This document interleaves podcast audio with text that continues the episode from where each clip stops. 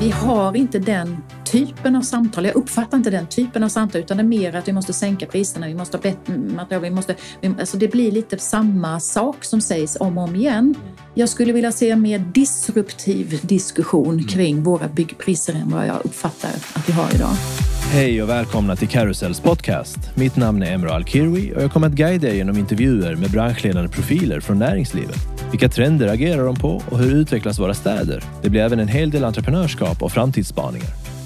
I det här avsnittet träffar vi Maria Säterdal, styrelseordförande för Proptech Sweden och numera även fastighetschef på Stena Fastigheter. Hon har en imponerande karriär så här långt med avtryck i både fastighetssektorn och medtech. Vi pratar bland annat om vad hon lärt sig och vill dela med sig av och varför digitalisering är viktigt, inte minst i fastighetsbranschen just nu. Vi går även in på några av bostadsmarknadens utmaningar. Vi pratar ledarskap och bolagskultur och vilken superkraft Maria tycker är viktigast. Vi kikar på de hetaste fastighetstrenderna och vad hon skulle starta för bolag idag om hon vore entreprenör. Trevlig lyssning! Carousel är en ny fastighetsrådgivare med fokus på kommersiella fastigheter. Våra uppdragsgivare är allt från börsnoterade fastighetsbolag till mindre familjeägda sådana. Vi kombinerar personlig service med tech, vilket gör oss snabbare och mer träffsäkra i våra uppdrag. Vi hjälper fastighetsägare med uthyrning, utveckling och transaktion. Läs mer på carouselgroup.se. Hej Maria och välkommen! Tack så mycket. Trevligt att ha dig här. Du har en väldigt intressant bakgrund eh, som vi kommer komma in på och eh, ämnet eh, PropTech och PropTech Sweden där du är styrelseordförande är vi också spända på att höra mer om. Och vi kan köra igång direkt med PropTech som ämne eller område. Vad är det för något egentligen? Jättebra fråga och det är många som ställer sig den frågan. Vad är det för någonting? Och det kan börja bli ett slitet ord.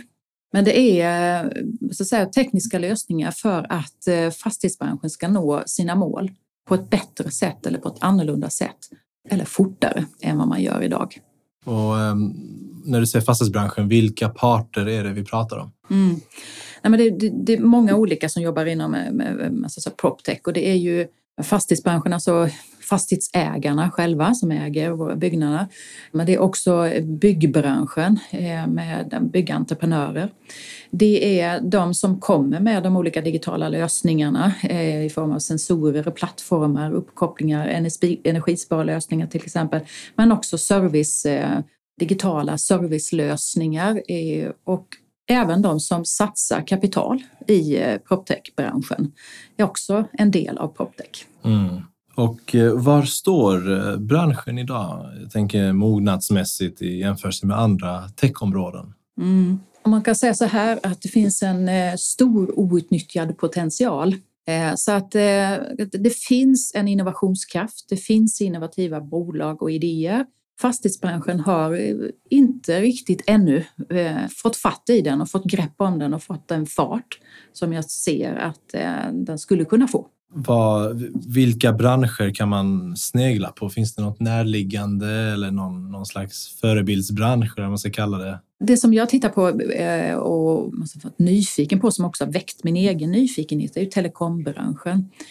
Eh, som har gjort en väldigt stor förflyttning. Eh, man tänker på enkelt bara, man pratar telekomkommunikation, så från telefonit, hur det fungerade för 10-20 år sedan och hur det är idag.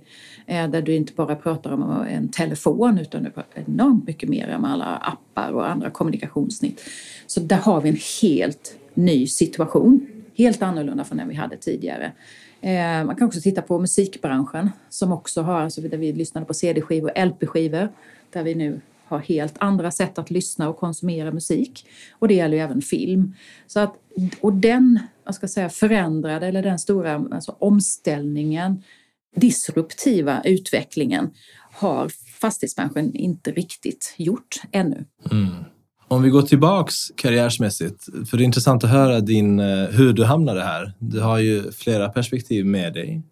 Hur har din, din karriärbana sett ut? Eh, jag läser bland annat här att du har bakgrund inom hyres och arrendenämnden på Sveriges domstolar.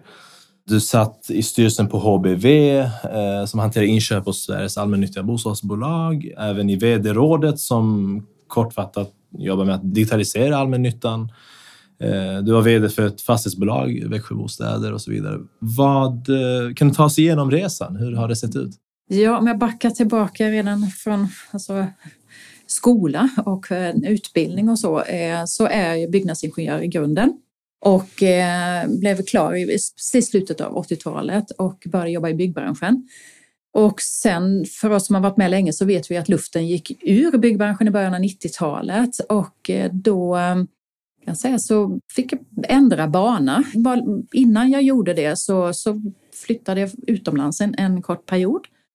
Jag och min nuvarande man och fick lite erfarenheter kring det. Kom tillbaks till Sverige, jobbade lite till i, fastighets, i bygg och fastighetsbranschen men sen så eh, utbildade jag mig till maskiningenjör och eh, började med att jobba som teknikkonsult inom olika områden men främst inom medtech. Och eh, först handlade det om produktion och kvalitetssäkring i produktion och regulatoriska krav och den typen av konsultuppdrag. Sen utbildade jag inom detta. Och därefter så började jag jobba som utvecklingschef på en stor medtech-koncern i Sverige. Och eh, fick ansvar för en stor utvecklingsavdelning. Eh, jättespännande med alla delar, både mjukvara och eh, hårdvara och utvecklade nya, många nya produkter och, för, och även uppdaterade mycket. Otroligt lärorik process och uppdrag. Sen kan man väl säga, nu har jag kört ganska fort framåt med början av 2000-talet, eh, eller 2007, 2010 någonstans där. Då började det hända saker och ting i byggbranschen igen och eh, städer började utvecklas. Växjö började bygga väldigt mycket och då kände jag att jag vill vara med jag vill vara med och bygga den här stan där jag bor i och eh, göra den bättre och få ha en roll i det. Få vara med och påverka. Så då började jag jobba för ett eh, lokalbolag i eh, ett kommunalt sådant som byggde både offentliga byggnader men också var med i eh, en arenastad. Där byggdes väldigt mycket arenor. En otroligt spännande tid. När jag hade varit där knappt tre år så fick jag frågan om jag ville leda en fusion mellan två stycken bostadsbolag i Växjö skulle slå ihop eh, de två bostadsbolagen då, där det ena hade 4 500 bostäder, det andra 6 500 bostäder. Slå ihop det till ett och bygga ett eh, helt egentligen mycket starkare bolag. Vad var anledningen till att man fusionerade? Ja, man såg inte, eftersom det var samma ägare så såg man eh, inte nyttan med att ha två bolag i en stad och man såg också möjligheten att bygga upp ett, ett nytt och mycket starkare bolag och få andra synergieffekter. Så att eh, det uppdraget tackade jag till, ja till och eh, såg det som ett väldigt stort förtroende också att bygga ett nytt bolag i en stad som växte där det hände väldigt mycket. Och hade många andra uppdrag med i, i det uppdraget. Bland annat så skulle vi också se över ekonomin, eh, både kostnader eh, och intäkter. Men också se till andra möjligheter, eh, bland annat digitaliseringen. Men innan man, jag kunde komma in på det och börja gräva lite i det så var det väldigt många andra saker som skulle göras. Bland annat så skulle vi öka byggtakten. Med, så vi började bygga väldigt mycket bostäder. Vi skulle börja renovera mycket mer än vi gjort tidigare, så det gjorde vi också. Vi skulle också öka underhållet. Eh, vi skulle öka intäkterna, jobba med hyresintäkterna och det kommer vi återkomma till lite vad det var för utmaningar med det. Vi skulle sälja en del av fastighetsbeståndet, attrahera privata hyresvärdar att vilja investera sitt kapital i Växjö. Så att eh, det var en väldigt, väldigt spännande uppdrag. Jag slutade ändå, när jag slutade så, så lämnade jag eh, mitt uppdrag och jag känner en stor stolthet över det. God ekonomi och vi hade gjort det här som vi, var, vi skulle göra eh, ifrån ägarna och politiken som ville bygga något annat eh, rent generellt. Men det som jag också tar med mig och det är det som vi kommer in och det är det här med möjligheterna kring eh, PropTech. Mm. Att göra skillnad där på ett eh, mycket intressant sätt. Mm. Och där är många lärdomar med, med där som jag bara tar med mig framåt nu. Och vad, om vi tar något eller några av dem som har fastnat, vad skulle det vara för någonting? Kopplat just till det här PropTech, så, så det som har fastnat är om jag tar tre saker så är det kultur, ett, en bolagskultur för att kunna anamma och titta på, nyfiket på möjligheterna. Men också en organisering kring det. Men också det här kundfokuset, hålla sig till det som man kallar kundresan. För vem gör vi detta? Ha det externa perspektivet och göra det för hyresgästerna och förenkla det och ha en hög kvalitet i det man gör. Så de tre sakerna tar jag med mig där. Du nämnde lite utmaningar där med att höja intäkterna och så vidare. Vad, kan du gå in på det lite grann? Ja, kan man säga, det är ju det som del, bland, lite slarvigt säger vi hyresreglering. Det vi har det är ju bruksvärdeshyror i det här landet och de sätts ju i en förhandling med Hyresgästföreningen. Och det gör ju alla hyresvärdar. Man jobbar med de här på olika sätt. Eh, det som man jobbar mest med och som får mest uppmärksamhet är ju årshyresförhandlingar. Och de utmanar ju på eh, många sätt. Konflikten ligger oftast i att vi eh, har olika värderingar och det har varit oklart om vad det är vi förhandlar. Alltså oklart vad, vad saken är. Och det gör då att det blir konflikten som är i fokus. Dels i förhandlingsbordet men också medialt. Och nu har det gjorts ett arbete eh, i så kallade treparten med fastighetsägarna, Sveriges allmännytta och Hyresgästföreningen. Så nu ganska nyligen så har man blivit överens om vad det är vi ska förhandla om. Och det är väldigt bra att man har kommit så långt. Eh, sen ska ju det här implementeras ut i landet och där ligger det många utmaningar i det. Lärdomarna från eh, de förhandlingarna som vi gjorde i årshyresförhandlingar är ju att hur komplext det är när man inte pratar om samma sak och har olika uppdrag och har målkonflikter i de uppdragen man har i förhandlingarna. Eh, och det tar mycket kraft och energi och eh, mycket badwill kopplat till detta. Mm. Det är årshyresförhandlingar. Om vi pratar bruksvärde då som, som eh, blir aktuellt att pröva om man inte kommer överens i förhandlingar i domstol, i hyres och arrendenämnden, så är ju Alltså, säga, komplext det också, för där hamnar det också i värderingar. Vad, eh, vad är rätt hyra och vem är det som avgör eh, vad som är rätt hyra?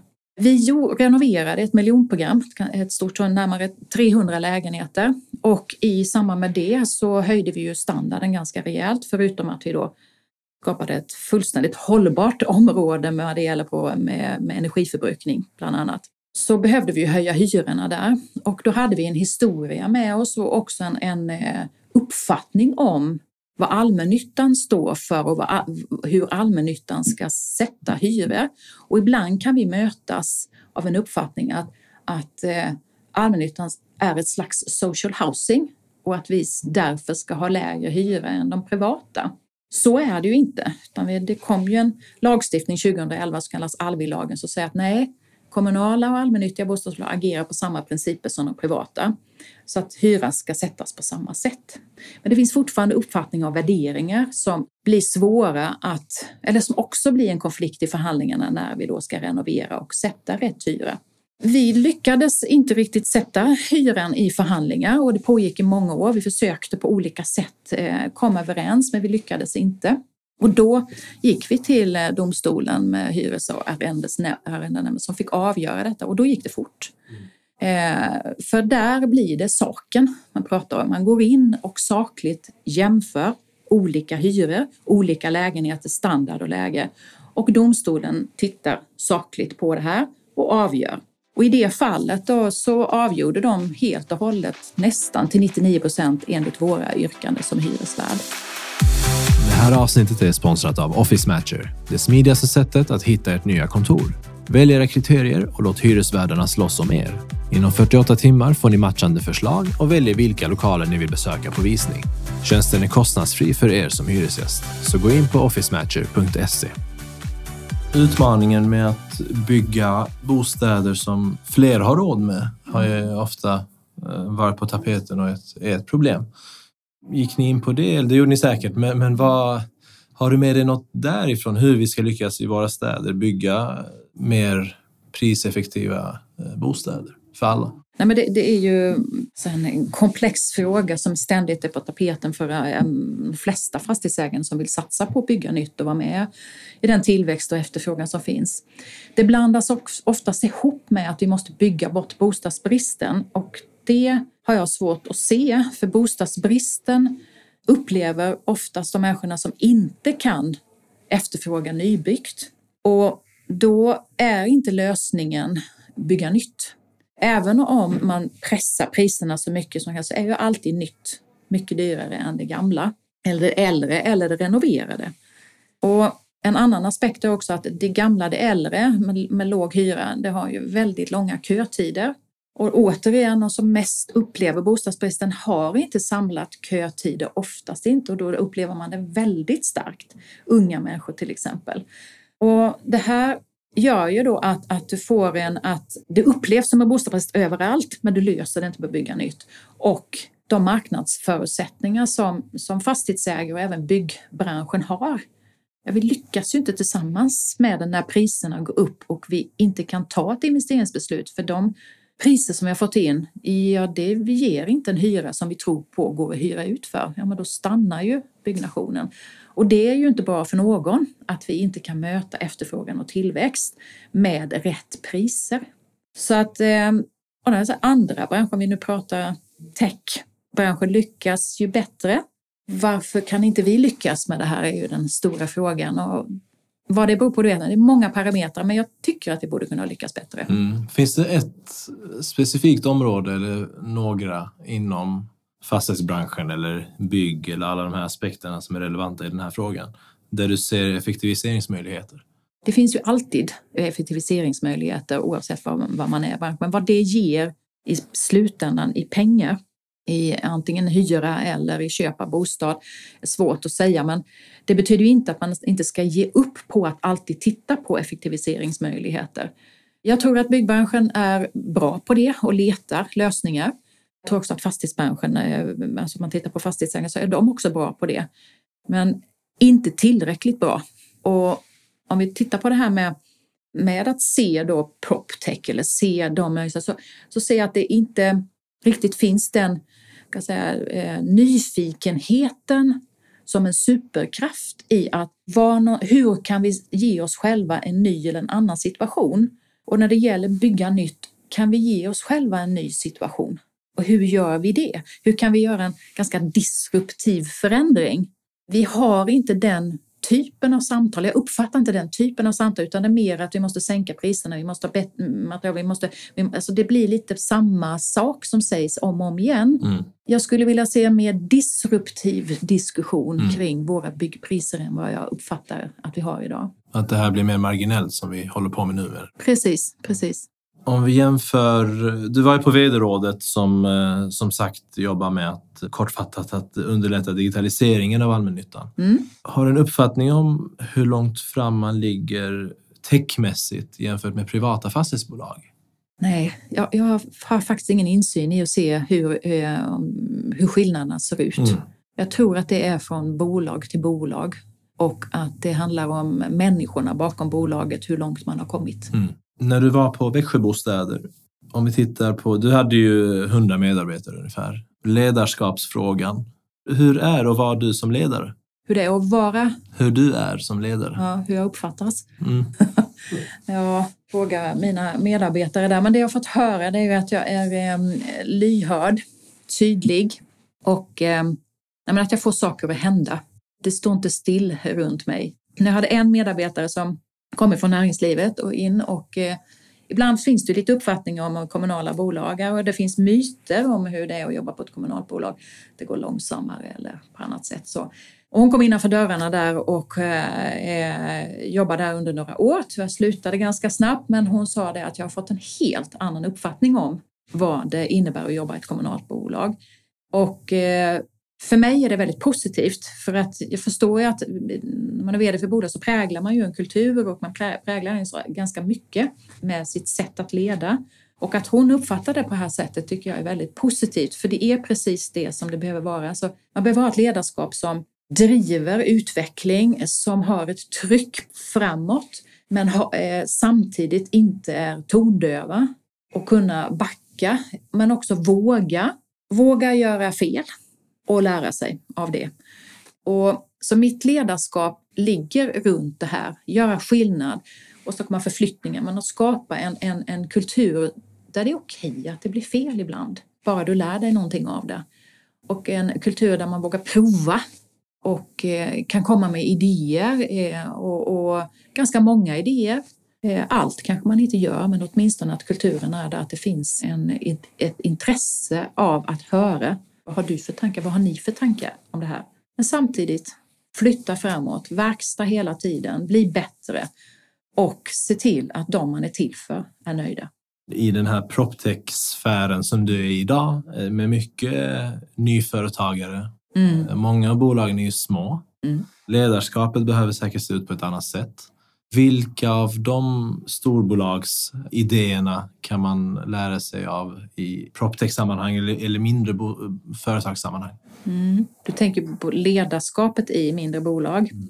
Och i bolag som kanske gör en tillväxtresa som är i inledningen av sin produktutveckling till exempel och mm. man har en, en, en, snabb väg framför sig.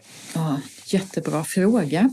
Jag har ju alltid jobbat i ganska stora bolag så jag har inte riktigt tänkt på skillnader, Men, men det, det, som dyker upp först är ju det att eh, mindre bolag är ju med de personer som jobbar, de får göra allt det, jag har haft förmånen på att ha haft medarbetare som har hjälpt mig med väldigt många olika saker. Eh, och är man själv så får man göra allt, vilket innebär att det som är en styrkor kanske man inte hinner lägga så mycket tid på. Och det som då eh, måste göras ändå, det får du lägga tid på, men det kanske inte ger så mycket värde för det, för det företaget du vill utveckla. Så eh, det jag tänker på det är just det här att, att eh, värdera vad man lägger sin tid på som är styrkorna även i, i små bolag och det är ju det som gäller i stora bolag också. Och, och det kan vara tufft kostnadsmässigt att kanske be om hjälp om de enkla sakerna till förmån för att man själv gör de sakerna som är styrkor så kanske också en svårighetsgrad på för att få den utväxlingen man behöver ha.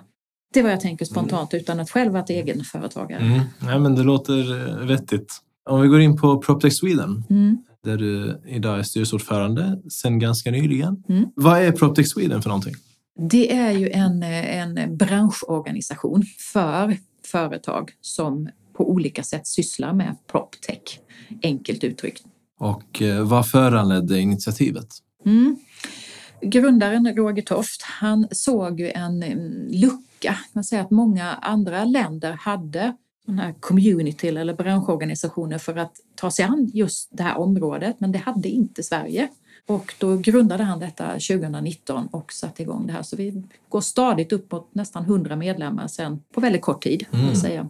Frågan är ju intressant, området är intressant och möjligheterna är enorma. Och vad innebär det att vara medlem? Och vilka är det som är medlemmar? Vad är det mm. för, för, typ av bolag eller organisation? Mm. Nej, men det är, det är bolag som eh, har då investeringskapital, letar efter intressanta företag att investera i eh, som är medlemmar och du har eh, byggbolag, stora byggbolag, Skanska till exempel, de är medlemmar. De, de tittar efter och vill ha intressanta lösningar när de bygger. Det är ju det som kallas Comtech istället för PropTech. Mm.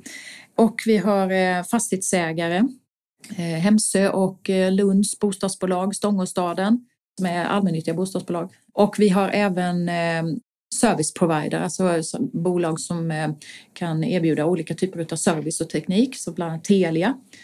Och, och vi har då innovationsföretag som sysslar med olika typer av lösningar.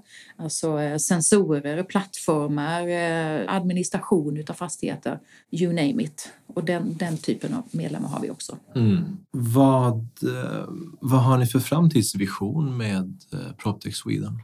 Att branschen nyttjar, upptäcker den innovationskraft som finns eh, och blir kunniga om möjligheterna för att kunna accelerera sina egna accelerera mot de målen som man satt upp. Hållbarhetsmålen utmanar ju alla organisationer, i synnerhet bygg och fastighetsbranschen. Där, att kunna se möjligheterna som finns där bland den innovationskraft, nyttja den och ta fart. Det är det som är visionen, att fler ska förstå och att vi ska accelerera och gå från en linjär ekonomi till en cirkulär ekonomi. Just det. Och eh, vilka parter vill ni komma i kontakt med? Jag tänker på våra lyssnare. Vad, vad, vad kan vi hjälpa till med så att säga? Mm. Fler fastighetsbolag som eh, efterfrågar, intresserar sig för, som vill, kan uttrycka vad man vill förändra och förbättra. Där ligger det ju en stor kunskap om utmaningar i fastighetsbranschen och får den här, de här innovativa bolagen en kunskap om det så jag är helt övertygad om att då kan det komma lösningar.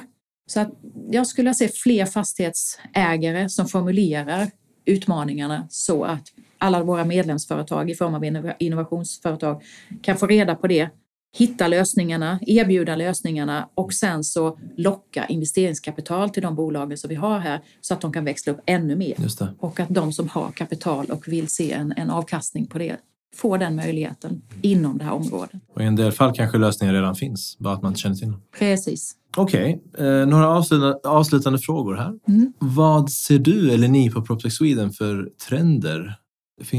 Jag tänker, ni, ni träffar många bolag. Du nämnde här att du satt i juryn för en PropTech affärsidé-tävling och så mm. vidare. Mm. Vad har du för framtidsspaningar? Nej, men det, de trenderna jag ser vill jag sammanfatta i att fler ser utmaningarna med hållbarhetsmålen och Agenda 2030 och att de bolag och, eh, som, som finns på marknaden, europeiska, de har identifierat det och det finns lösningar att hämta eller att utveckla. Så det, är, det handlar om olika typer av energilösningar men det handlar också om olika typer av trygghetslösningar. Det handlar också om eh, att eh, göra slutna processer transparenta, analoga processer som försäljningsprocesser till exempel eller uthyrningsprocesser, göra dem lite mer transparenta. Trenden är att, att det finns väldigt många företag som har förstått hållbarhetsutmaningarna och behöver nå ut med dem så att det blir en utväxling mm. i resultat. Baserat på dina tidigare erfarenheter, vad skulle du starta för bolag inom fastighetssektorn om du vore tvungen idag? Ja, då är ju jag inte en sån här entreprenör Nej, på det om sättet. Du var tvungen. Ja, men jag var tvungen. Nej, men det är någonting som tänker på mycket och som har så många olika så mycket påverkan på samhället i stort, det är ju bostadsområden och kvarter som inte är bra. Och här skulle jag vilja säga att vi använder den digitala tekniken och har en, och en, en, en databas som består av all den forskning som finns på vad som är bra för att utveckla områden och kvarter till positiva områden. Att det finns i en databas eh, och det är tillgängligt med allt man har provat och gjort. Vad får resultat? Vad får inte resultat? Och den nya senaste forskningen kommer in där och att fastighetsbolag som har områden som utmanar kan gå in och använda den här plattformen och få tag i det bästa resultaten eller de, det bästa man kan göra för forskning och från andra evidens. Det här är vad du kan göra, det här är positivt. Och att den information och de erfarenheten kan delas av fler i samhället som myndigheter och andra aktörer så att vi snabbare kan agera så att inget bostadsområde hamnar på någon lista, negativ lista någonsin. Det skulle jag vilja göra. Mm. Jättebra. Har du några slutgiltiga ord som du vill att vi rundar av med? Mm. Nej, men, eh, jag tycker ju att eh, nyfikenhet är en eh, superkraft som eh, fastighetsbranschen eh, eh, skulle kunna anamma mycket, mycket mera och dyka rätt handlöst in i proptech-branschen och bara suga åt sig och eh, koppla på ett, ett, ett modigt ledarskap till det. För det värsta som kan hända är att det blir fel och att du lär dig en himla massa av det. Mm. Ja, jättebra avslutning. Tack så mycket Maria. Tack.